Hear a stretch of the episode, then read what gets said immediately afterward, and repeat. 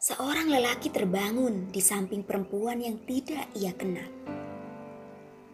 Dalam cerita detektif, situasi ini bisa diakibatkan oleh efek alkohol, obat bius, atau hantaman di kepala.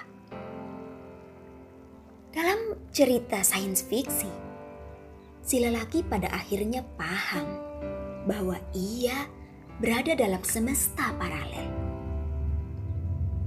dalam novel eksistensialis, ketidakkenalan tadi bisa jadi hanya karena perasaan terasing, absurditas.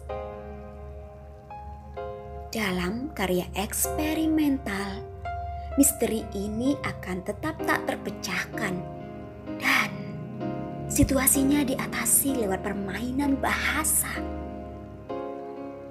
Para editor makin lama makin penuntut dan si lelaki tahu dengan suatu perasaan putus asa bahwa bila ia tidak lekas-lekas memposisikan diri dalam genre tertentu, selamanya ia terancam tidak akan pernah diterbitkan.